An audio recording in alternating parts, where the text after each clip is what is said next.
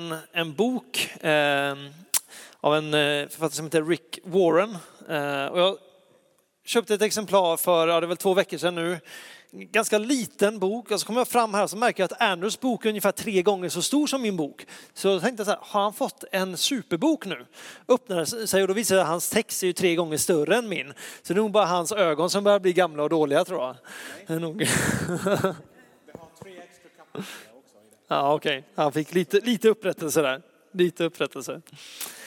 Jag tror att innan vi går in i själva undervisningspasset idag så tror jag det var någonting som Gud vill lägga som en, som en grundsten. Eh, Därför någonting som vi väldigt ofta talar om i kyrkan eller vi som eh, har en relation med Jesus som vi hela tiden kommer tillbaka till, det är att vi benämner Gud som fader eller som pappa.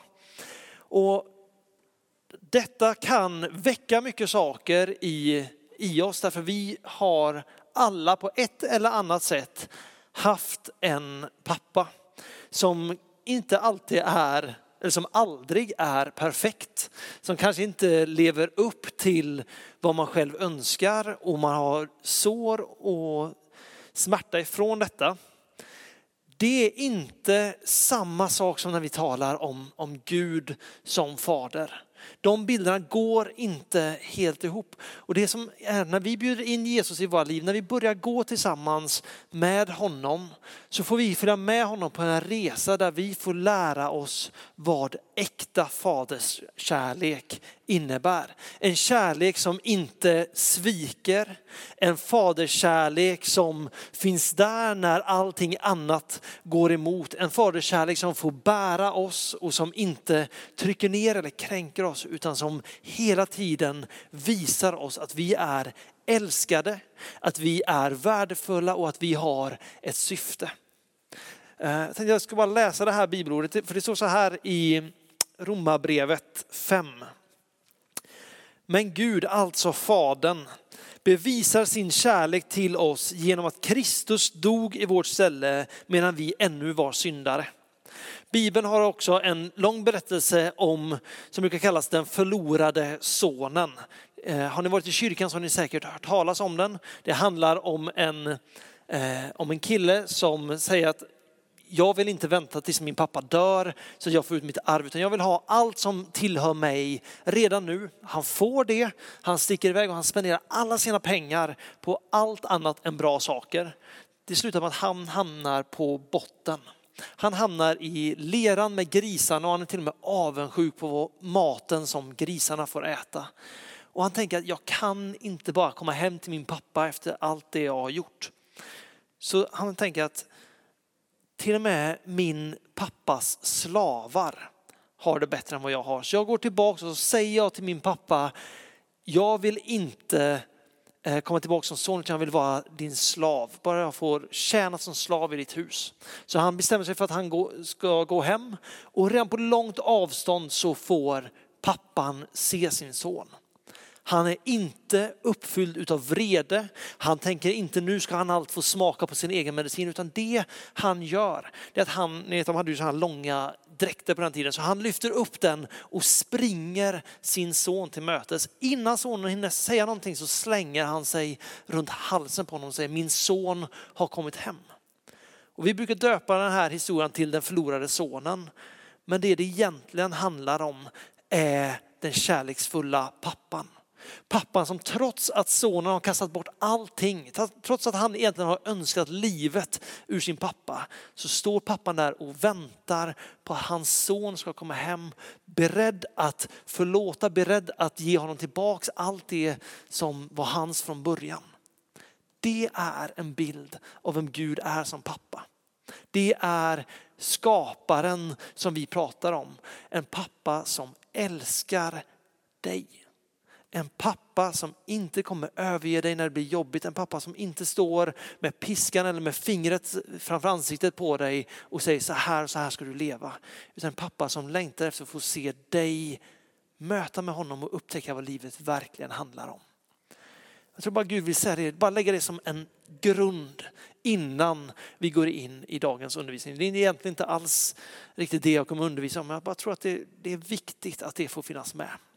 Så vi kan göra så att vi, vi bara ber och inbjuder den heliga ande innan vi går in i själva undervisningen. Jesus Herre, vi tackar dig för att medan vi ännu var dina fiender, medan vi inte kände dig, medan vi gjorde allt det som gick emot din vilja så var du beredd att dö för oss därför att du älskar oss. Jesus, jag ber att du idag får komma och visa oss varför du har skapat oss. Jag ber att du får ge oss en ny förståelse om varför vi är här. Att inte för våran skull utan att vi får vara skapade för att ha en relation med dig. En kärleksrelation med dig som inte går att beskriva med ord. Så Helande, jag ber att du nu får komma och uppenbara din sanning. Jag ber att du får komma och tala till oss var och en Jesus här, inte bara det jag säger utan jag ber att du helige får komma och tala till oss. Så att vi får höra din röst, så att vi får förstå vem du verkligen är. Inte vad människor säger om dig eller vad teologer tycker och tänker om dig. Utan du får komma och visa dig för oss. Så helige Ande, vi bara välkomnar dig. Visa din sanning för oss idag.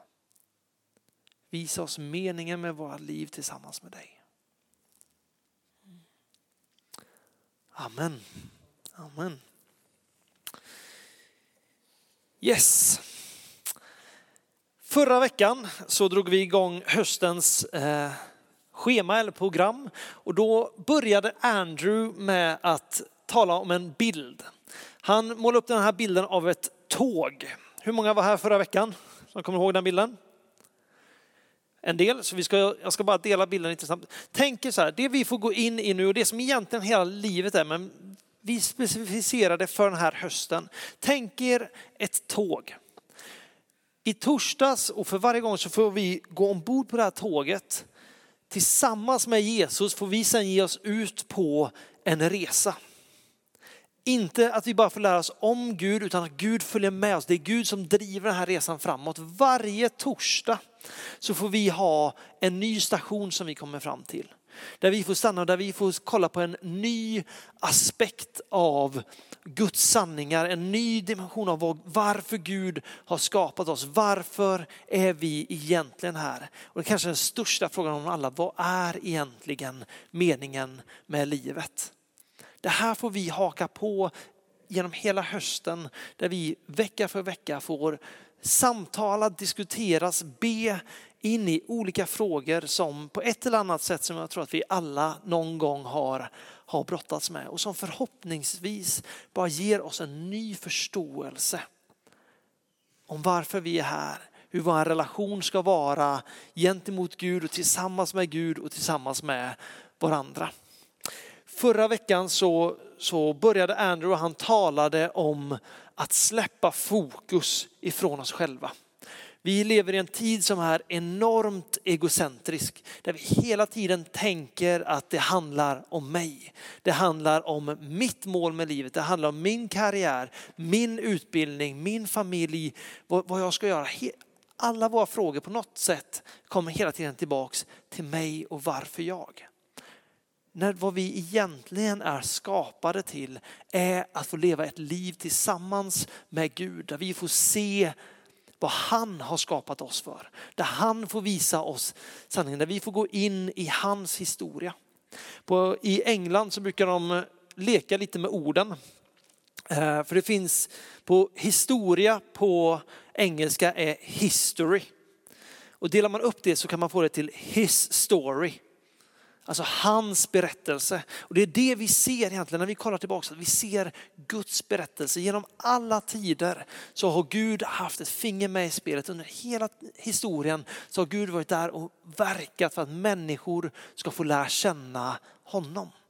Och det är den historien på något sätt som vi under vår korta livstid får kliva in i. Och det sista vi vill är att vi ska stirra så blint på våra fötter att vi faktiskt missar den stora berättelsen. Att vi missar att vi är del av någonting större. Så Andrew poängterar, och den finns online och gå ut och lyssna på. Den finns på Linnéakyrkans hemsida. Om ni bara så här påminna oss själva om att faktiskt lyfta blicken från oss själva och se, okej okay, Gud, varför har du skapat oss? Vad bjuder du egentligen in oss till?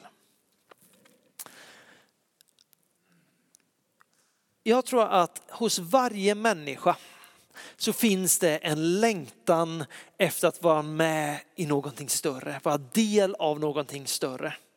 Jag älskar fotboll. Jag älskar IFK Göteborg. Jag älskar att gå på deras matcher. Peter hänger på här. Jag hör hur Roger harklar sig här borta. Ni kanske inte är sportintresserade överhuvudtaget och kanske inte fullt ut kan relatera till det här. Men någonting som jag tycker är så fantastiskt med fotboll, det är just det här att man får, man får välja ett lag som man får stötta. Man får bli del i någonting som inte bara handlar om mig själv. När jag står i klacken eller sitter på långsidan på, på Gamla Ullevi och hejar på Blåvitt så är det inte fokus på mig, ja nu får jag ha en kul stund, utan under den perioden så får man bara vara del i någonting större. Eh, 2007 så var jag med när Blåvitt vann SM-guld. 42 000 personer som bara står och hoppar på den här stadion. Alla sjunger om en och samma sak. Alla firar tillsammans. Därför att det laget eller det som man på något sätt har anslutit sig till, de går framåt. Och man bara känner att ja, det, här, det här är kul, därför jag känner att jag är en del av någonting större. Det är fokus på änglarna, vi är ju under en kyrka. Så nu vet ni det, att det är det enda helgade alternativet, det är Blåvitt.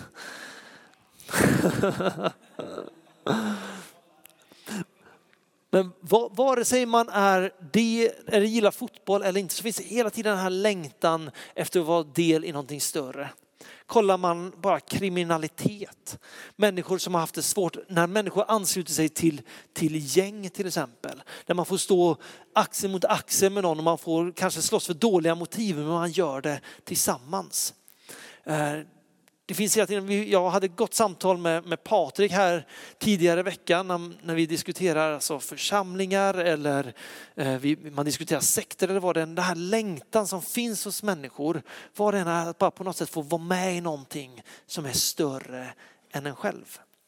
Den längtan tror jag ligger i människan därför att vi är skapade för att vara del av någonting som är större än oss själva. Hela Bibelns berättelse börjar egentligen med att Gud skapar människan i relation. Han skapar hela skapelsen, han skapar människan och han säger att människan är god men sen säger han att det är någonting som inte är bra hos människan och det är att människan är ensam. Så Gud skapar kvinnan, och sätter vid mannens sida och han säger detta är mycket gott. Vi är skapade för gemenskap. Men vi är också skapade från första början för att ha med Gud att göra. Gud skapar människan utifrån sin kärlek, för att han har ett överskott av kärlek. Han bara, jag vill ha någon att dela den här kärleken med. Jag vill ha någon som jag får älska, någon som jag får ha relation med. Utifrån det hjärtat skapas människan. Och vi ser i början av eh, Bibeln där hur det beskrivs hur det är som ett paradis där man och kvinna lever nära relation med Gud. Det står till och med att Gud går runt i trädgården och talar med människan. De var, det, deras fokus ligger hos Gud. Sen kommer synden in och människan går och gömmer sig. Människan drar sig bort. Och sen kommer hur många berättelser som helst genom Bibeln där människor försöker komma samman för att åstadkomma saker. De försöker bygga ett stort torn för att de vill bli som Gud. Men någonting saknas från det som fanns i början. Vi, vi skapades för att ingå i gemenskap med Gud. För att vara del i någonting som är större än oss själva, alltså i relationen med honom. Ha perspektiv på hur han ser saker och ting. Och den här längtan finns kvar hos oss vare sig vi känner Jesus eller inte. Jag har träffat så många människor i den här kyrkan som första gången de kommer hit har knappt pratat med några men de kommer in och säger jag känner mig hemma här. Kan inte sitta, sätta fingret på varför eller vad det är men jag känner mig hemma här. Därför att man kommer in i någonting som är större än en själv där Gud får vara i centrum. Man får börja snudda vid den här relationen som vi var skapade för att ha. Problemet blir när vi inte har blicken mot Gud. När vi inte ser det han ser eller vi hör det han talar, när vi inte förstår hans tanke med vår egen existens. Utan vi hamnar i det här träsket som vi alla så ofta hamnar i, att man kollar på sina egna fötter. Jag kollar på mig. Och helt plötsligt börjar jag se mina brister. Jag börjar, så fort jag lyfter upp blicken så ser jag andra människor. Jag börjar jämföra mig med dem och jag tänker att oh, Robert han är så snygg, varför är inte jag lika snygg? Eller han eller hon är så rolig, varför, inte, varför tycker inte alla att jag är lika rolig som henne? Eller Tim är så framgångsfull inom arbetet medan jag bara bygger på med studielån. Hela tiden när vi lyfter blicken och bara ser på andra människor och så kommer vi tillbaka till oss så ser vi våra brister. Eller så tänker vi att jag är mycket bättre än Mattias till exempel och så slår jag mig på bröstet och så gräver jag egentligen bara ner mig själv ännu djupare i träsket. Men när vi har fokus på oss själva, som vi så lätt har därför hela vårt samhälle uppmuntrar oss att se på dig själv. Vi lever i ett reklamsamhälle där allting bara uppmuntrar dig till köp det du vill ha. Köp den här produkten så kommer du ha glänsande hår och du kommer vara snyggare än alla andra på stan. Allting handlar hela tiden om att du ska stilla ditt eget behov och lyfta upp dig själv. Allting riktas mot vårat ego. Vilket gör att det slutar med att vi bara går och kollar på våra fötter utan att förstå varför vi egentligen är här. Detta gör att vi ofta känner oss vilsna. Det gör att vi börjar ställa de här existentiella frågorna. Varför är jag egentligen här? Läser vi den här boken som fanns långt före någon av oss fanns så finns det väldigt mycket svar på varför vi är här. Guds ord på papper som säger detta är varför jag skapade dig. För det är när vi lyfter blicken och återigen börjar se tillbaka på den här relationen som vi var ämnade att ha tillsammans med Gud. Det är då som vårat fokus kommer förändras och vi kommer börja förstå vilka vi verkligen var menade till att vara. Som sagt, vi kollar oss i spegeln och vi ser våra brister. När man blir äldre så börjar man tänka, oj nu börjar min hud bli rynkig. Jag kanske tänker, jag är för spinkig Roger tänker troligtvis inte att han är för stark, men han försöker bli starkare i alla fall. Hela tiden finns det någonting att vi, vi vill förändras därför att vi är inte nöjda med, med hur vi har det. Och frågan börjar komma in, är, är det här en slump? Vad är egentligen meningen med, med livet? Och vi försöker lägga värde i saker och ting som inte håller. Men när vi ser på Gud så kommer de där tankarna att börja förändras. Det kommer att börja förändra sättet vi tänker, sättet vi ser på oss själva och på andra. Jag har en, jag har en bror, han är fem år äldre än mig och vi är, vi är väldigt lika till utseendet. Väldigt ofta som hans kompisar kommer fram till mig och börjar prata med mig som om jag vore Jonathan.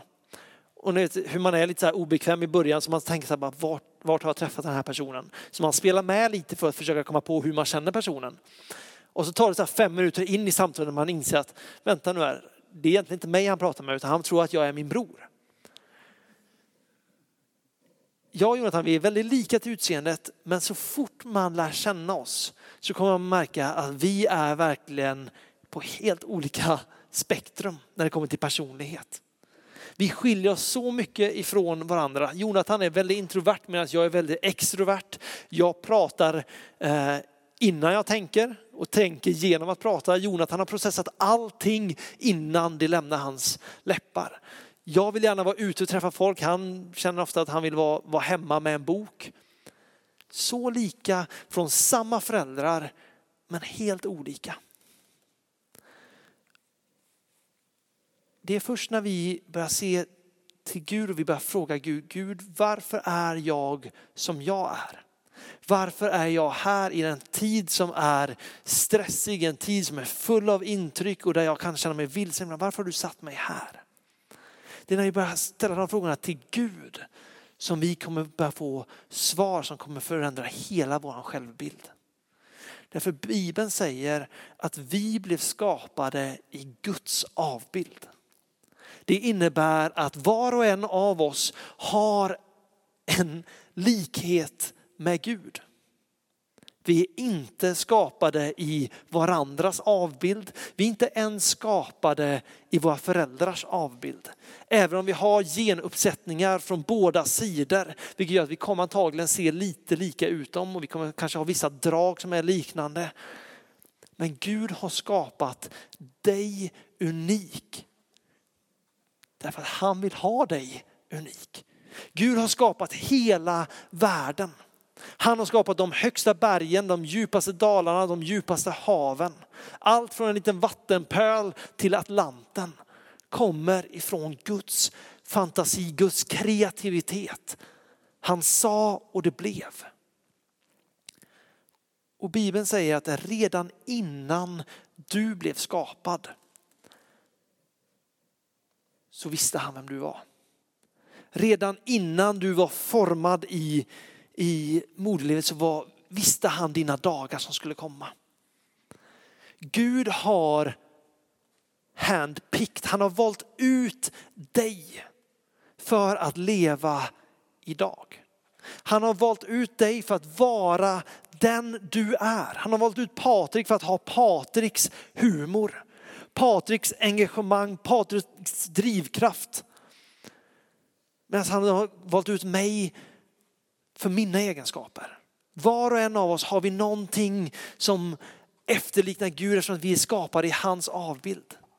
Och det är först när vi börjar leva ett liv där vi säger att okej, okay, men jag är jag därför att Gud vill ha mig så här. Som vi kommer börja sluta vara avundsjuka på andra, som vi kommer sluta drivas av att jämföra oss med andra när vi inser att jag är inte ett misstag. Jag är inte bara en på miljonens chans att jag blev precis som jag är. Jag är inte som jag är bara för att eh, min uppväxt har sett ut så här. Utan därför att Gud har skapat mig och dig för en tid som denna där vi passar handen i handsken. Jag vet inte hur det är med er, men jag kan ibland känna att det går fort. Vi lever antagligen i den tid där utvecklingen går snabbare än någonsin tidigare. När jag växte upp då hade man en Nokia 3310. Jag vet att det finns människor här inne som levde innan man hade telefonen i, i fickan. Idag har du en dator i storlek av din handflata i fickan utvecklingen går så här och man kan känna att varför går allting så snabbt? Hur ska jag hinna med? Hur ska jag orientera mig? Det spännande är att det finns ingen genom historien som är så lämpad för den här tiden som du är. Bibeln säger så här. Vi kan få upp Psaltaren 139, vers 13 till 16. Du har skapat mina njurar. Du vävde mig i moderlivet. Jag tackar dig för att jag är så underbart skapad. Underbara är dina verk. Min själ vet det så väl. Benen i min kropp var inte osynliga för dig när jag formades i det fördolda, när jag bildades i jordens djup. Dina ögon såg mig när jag bara var ett foster. Alla mina dagar blev skrivna i din bok, formade innan någon av dem hade kommit.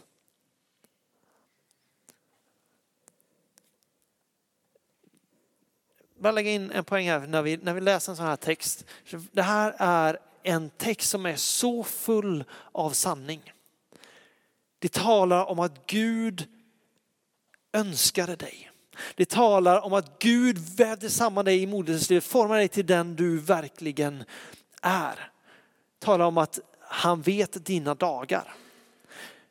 Det innebär inte att allt jobbigt som har hänt oss eller att, jag inte, att det kommer från Gud eller att jag inte har någon egen fri vilja. Gud skapade människan med en fri vilja.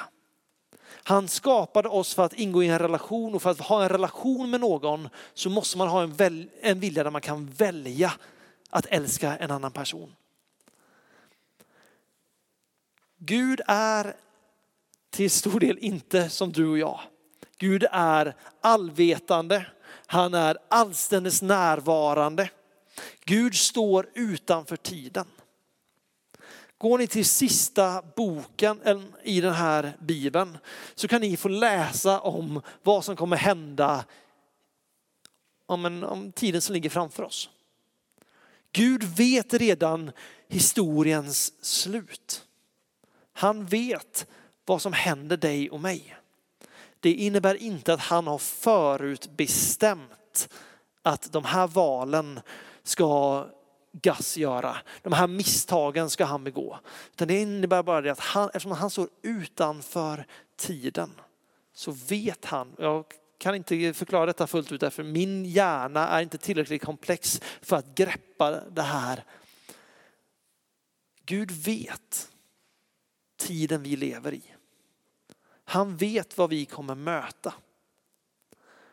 Och han har satt dig i den här tiden för att du ska få vara en del av hans historia. För att få verka tillsammans med honom i den här tiden.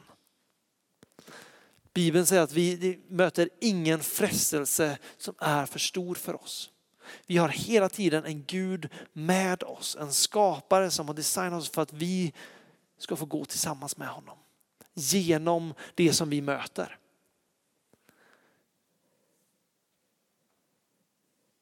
Jag vet inte hur det är med er, men det här, det här är spännande för mig.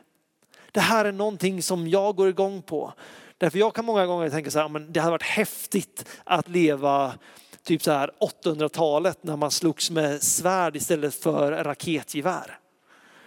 Det har varit häftigt att få gå eh, i Jerusalem på den tiden Jesus levde.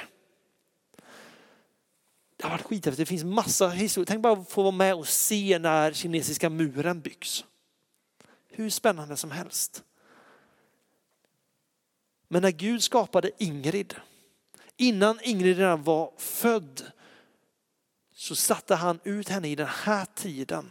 Formade henne för den här tiden skull för att hon i den här tiden ska ha relation med honom och få vara med och se hans verk bryta igenom få följa Jesus i en tid som denna.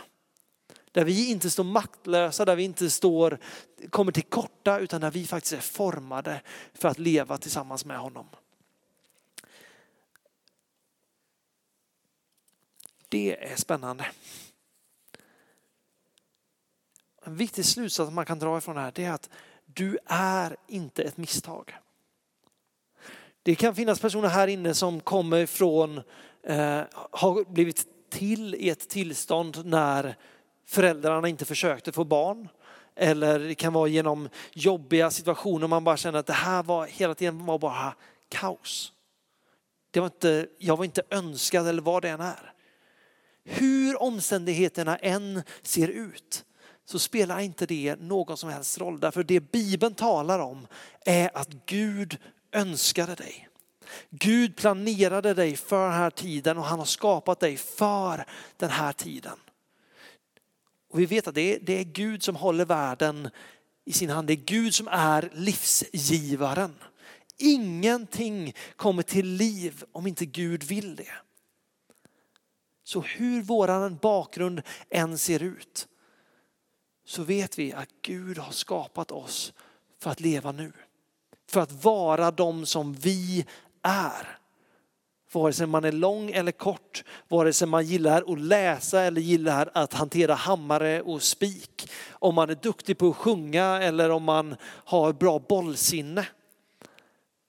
Saker som Gud har lagt ner i dig. Som vi först börjar komma och förstå att okay, men detta har Gud lagt ner i mig.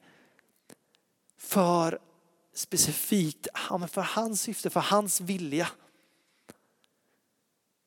Men det är först när vi börjar tala med Gud, det är först när vi börjar undersöka, oh, men Gud vad säger du över mitt liv? Som de där sakerna får betydelse. Kollar vi över hela människans historia, alla de miljontals, miljardtals människor som har levt och som kommer att leva. Om vi tar dig och bara droppar ner dig i den folkskaran så är du en droppe i havet. Och så kollar vi samhället idag. Det är en av de största grejerna som människor jagar efter, det är att synas. Kolla på mig, se mig, framförallt kom ihåg mig. Ett liv utan Gud blir ett liv där man måste kämpa för att ha lämnat ett avtryck. Men Guds historia som började från den första människan till att den sista människan föds och sen ända in i evigheten. När vi säger ja till honom, när vi väljer att gå med honom så vet vi att vi är en del av den historien. Vi är en del av Guds kyrka under 2000-talet. När vi får vara med och se hans vilja ske på 2000-talet. Jag tror det kommer komma en dag när vi sitter i himlen tillsammans där vi får vara, ja men jag levde under den tiden och då gjorde Gud det här och det här och det här. Och sen kommer någon från det glada 80-talet, ja men när jag levde på 80-talet då hände det här, då skulle du varit med. Men vi är skapade för den tid som Gud har satt oss i. Vi är skapade unika i hans avbild för den här tiden. Jag tänkte jag ska bara ta ett, ett exempel ifrån, ifrån Bibeln bara för att visa på något sätt hur det ser ut när omständigheterna är kaos. Det är det första som kommer när vi öppnar Matteus evangeliet. Då kommer det en lång släkt, ett långt släktregister där man får följa ända från Abraham fram till Jesus. I det här släktregistret så förutom Maria så finns det fyra kvinnor nämnda. Fyra kvinnor, alla andra är män. Och männen kommer och sen, någon, ibland står det, och Tamar var hans mor. För på den tiden man räknade släkter på mannens sida. Men fyra kvinnor utöver Maria är nämnda. Ingen av de här fyra kvinnorna hade ett, en problemfri bakgrund. En problemfri bakgrund. Hela, hela deras historia kring hur det här barnet som de är föräldrar till har kommit till är speciella berättelser. Du har till exempel Batseba. Batseba är mamma till Salomo. Hon begick äktenskapsbrott med kung David. Hennes man blev dödad på grund av att David försökte täcka över den här händelsen. Utifrån den händelsen, utifrån den relationen i äktenskapsbrott och mord så kommer en av Jesu förfäder som nämns på papper som en av Jesu förfäder. Du har, du har Rahab som troligtvis, för det finns bara ett annat ställe i Bibeln där Rahab nämns, troligtvis var hon prostituerad.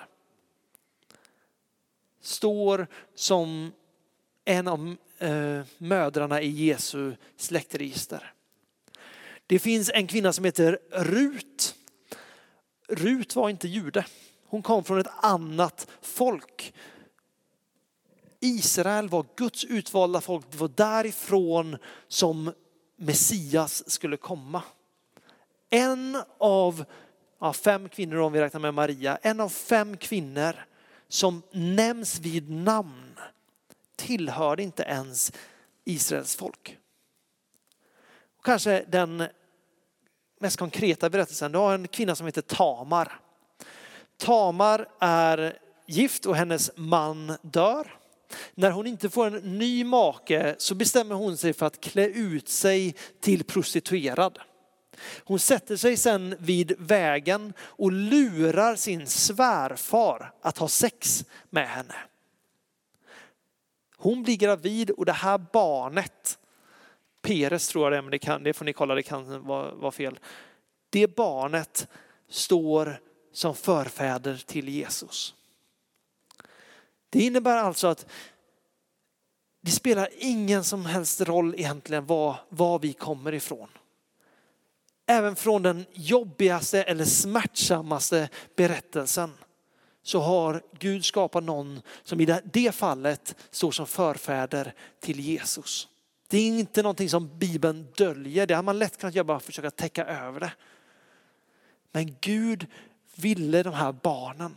Det är inte det att han uppmuntrar äktenskapsbrott. Det är inte så att han uppmuntrar mord eller vad det än är. Men ur trasiga saker så kan Gud fortfarande göra någonting som är gott. Samma sak är alltså sant i våra liv. Var vi än kommer ifrån, hur livet än har mött oss och format oss, vare sig det har varit i Eh, missbruk eller eh, konkurs eller eh, till och med stora framgångar som bygger upp ett högmod i oss. Vad det än är vi möter i livet som formar oss, så betyder inte det att allt det kommer ifrån Gud. Men trots det så har Gud skapat oss precis så som vi är, alltså vår personlighet. Skapad i Guds avbild. För en tid som denna.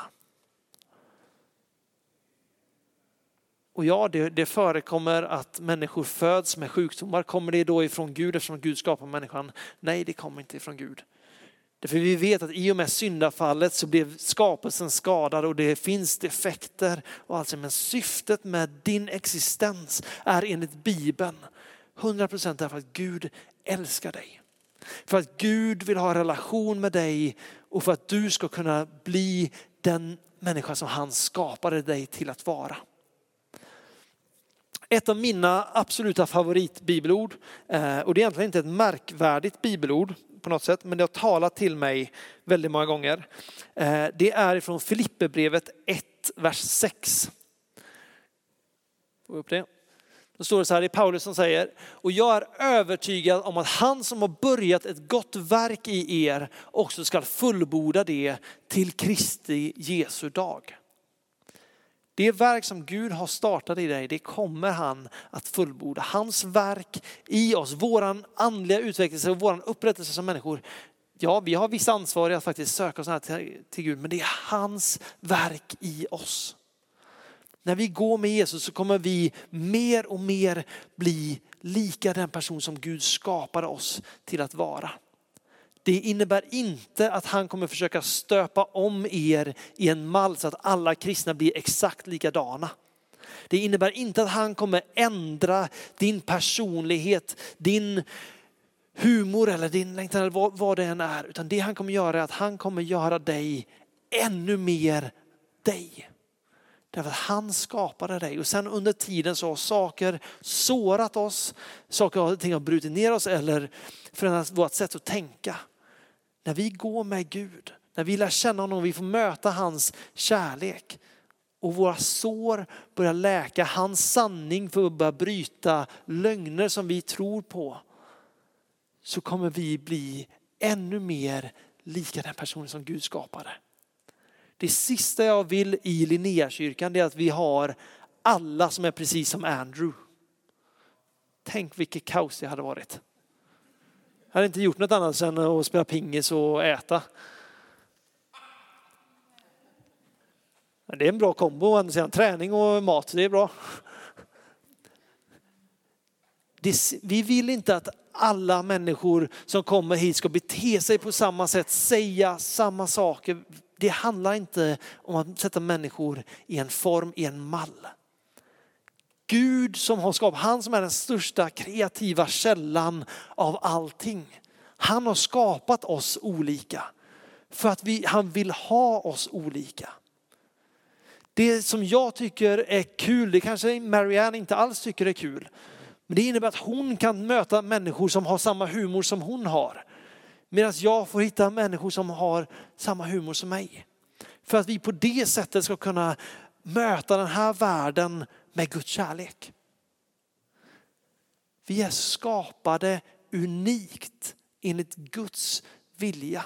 Det vill han inte ta, ta bort utan han vill ta bort våra sår, våran ånger, våra sätt att jämföra oss med andra så att vi kan få se Gud, vem är du? Så jag kan lyfta fokus från mina egna fötter, se på Gud och se vem han är och börja leva för honom. Jag tänkte vi ska, vi ska avsluta med en, en berättelse ifrån, eh, ifrån Bibeln. Hur många här inne har hört om kung David och jätten Goliat? Upp med en hand. De flesta, eh, inte alla. Eh, det är en ganska känd, framförallt typ så här, alltså, söndagsskoleberättelse. Men en väldigt, väldigt intressant berättelse. Israels folk, de är ute i krig. De möter filisterna. Och i den filisteiska hären så har de en jätteman som heter Goliat. Som är mer än huvudet längre än alla andra. Och bara av att se den här mannen gör att Israels armé får skakiga knän. Och varje dag så går han fram och ställer sig framför Israels armé och han börjar håna dem. Och han säger, var är eran Gud nu? Kom mot mig om ni törs. Ingen vågar gå Goliat till mötes. Sen är det en liten herdepojk vid namn David. Han yngst i familjen. Eh, antagligen inte jättestor eller så, utan bara en helt vanlig pojk. Han beskrivs som att han, han ser bra ut. Han har rosiga kinder. Vilket talar om att det är liksom pojke-pojke vi pratar om. Kommer till armén därför att hans äldre bröder är med i Israels armé. Och han kommer dit med mat för att ge det, sänd dit från sin pappa. Och han kommer dit och får se den här jätten. Och han hör hur den här jätten skändar eller hånar Gud. Och så är han så här, varför går inte någon ut och dödar honom? Och alla kollar på honom och bara tänker, ser du inte hur stor han är? Det enda David kan se är att han står ju där och hånar våran Gud som är större än någonting annat. Och så är det några i armén där som hör detta. Så han går och berättar detta för kungen som heter Saul. Och säger, men den, den här pojken, han, han vill slåss. Och, och pojken eh, David går till kung Saul. Och återigen så ser kungen på David och han tänker, det här är bara en liten herdepojk. Hur ska jag kunna skicka ut honom? Det kommer ju bli till åtlöje för hela armén. Vi ska ta och läsa bara citat från, från David här bara så ni får höra hans egna ord. Vi har första Samuelsboken kapitel 17. Jag ska bara se, hitta vilken vers det är.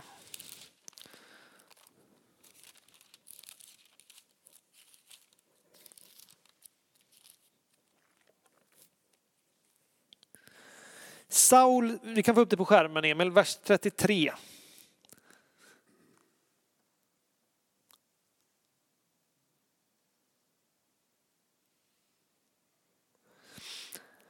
Saul sa till David, inte kan du gå och strida mot denne filisté. Du är bara en ung pojke och han en krigare ända från ungdomen. Men David svarade, din tjänare har gått i vall med sina fars får. Om då ett lejon eller en björn kom och tog bort ett får av jorden följde jag efter vilddjuret och slog ner det och räddade fåret ur munnen på det. Om vilddjuret då reste sig upp mot mig så fattade jag det i manen och slog ner det och dödade det. Din tjänare har slagit ner både lejon och björn. Det skall gå denna oomskurne filisté som det gick vart och ett av dessa djur, för han har hånat den levande Gudens här. David sa vidare, Herren som har räddat mig undan lejon och björn, han ska också rädda mig från denna, den där filisten. Då sa Saul till David, gå och må Herren vara med dig. Och Saul klädde på David sina egna kläder och satte en kopparhjälm på hans huvud och satte på honom ett pansar.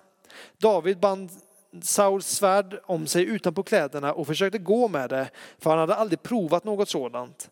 Men David sa till Saul, jag kan inte gå med det här, för jag är inte van vid det. Så han la av sig det. Han tog sin stav i handen, valde ut åt sig fem släta stenar ur bäcken, la dem i fickan på sin hederväska och tog sin slunga i handen. Så gick han fram mot Filisten.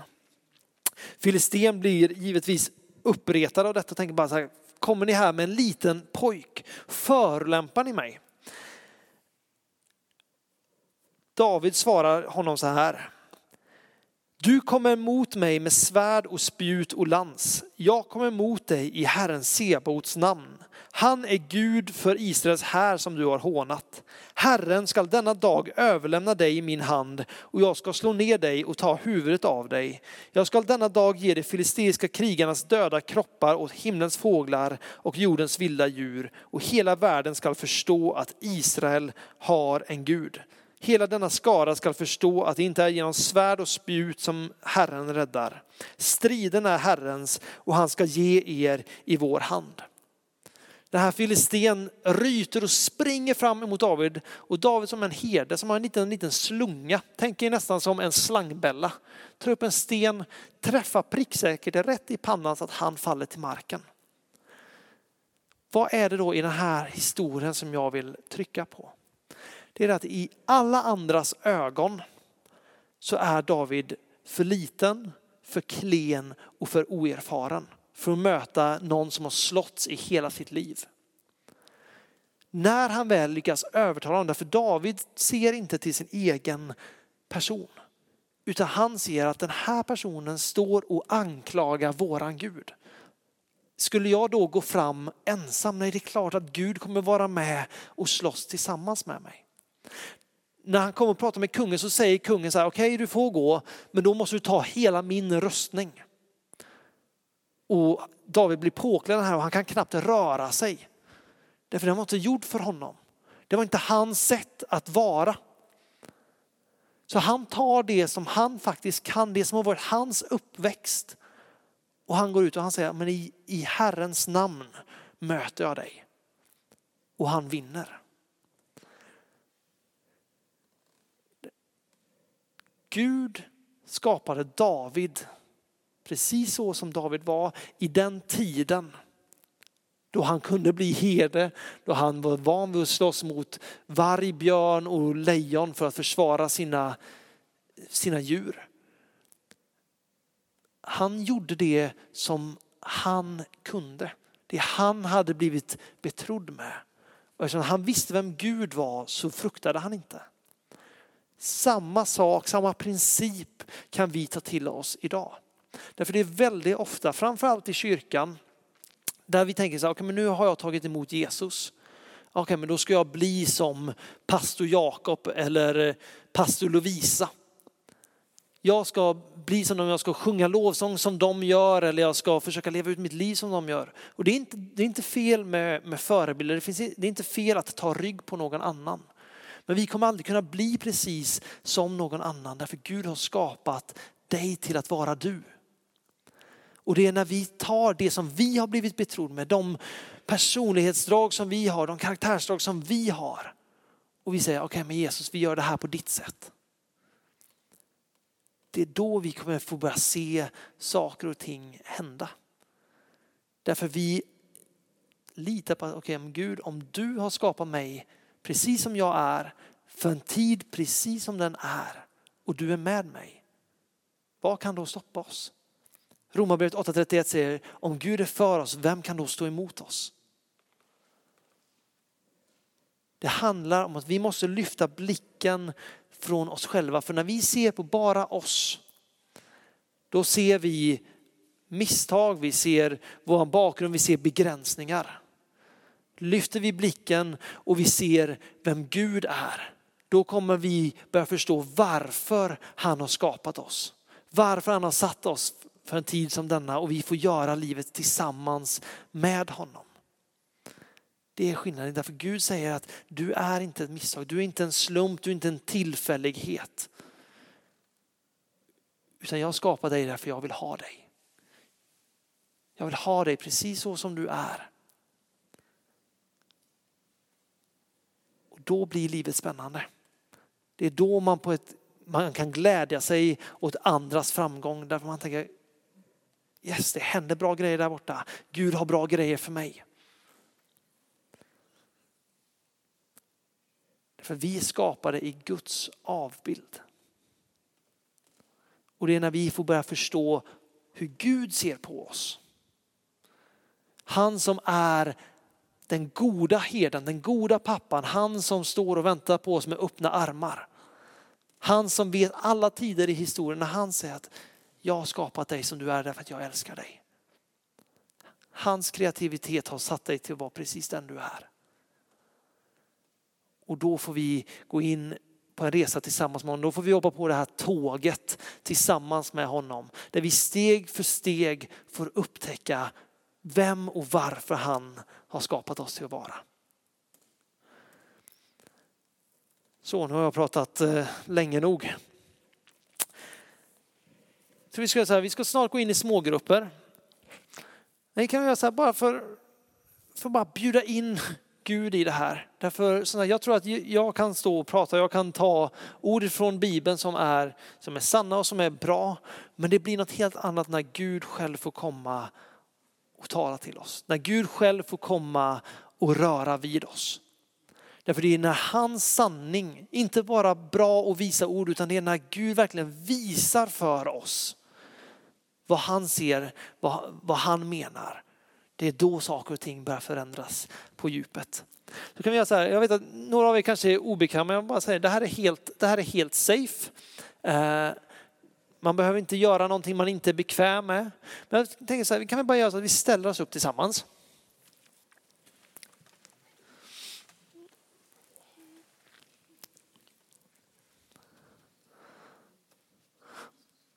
Och sen ska vi bara ta en liten stund nu när vi säger Pappa Gud. Säg vad du tycker om mig. Att faktiskt fråga Gud, Gud vad tycker du om mig? Våga ställa den frågan. Så jag vill bara ta en liten stund nu. Ställ frågan, Gud vad, vad tycker du om mig? Du som har skapat mig, vad, vad ser du hos mig som jag inte ser?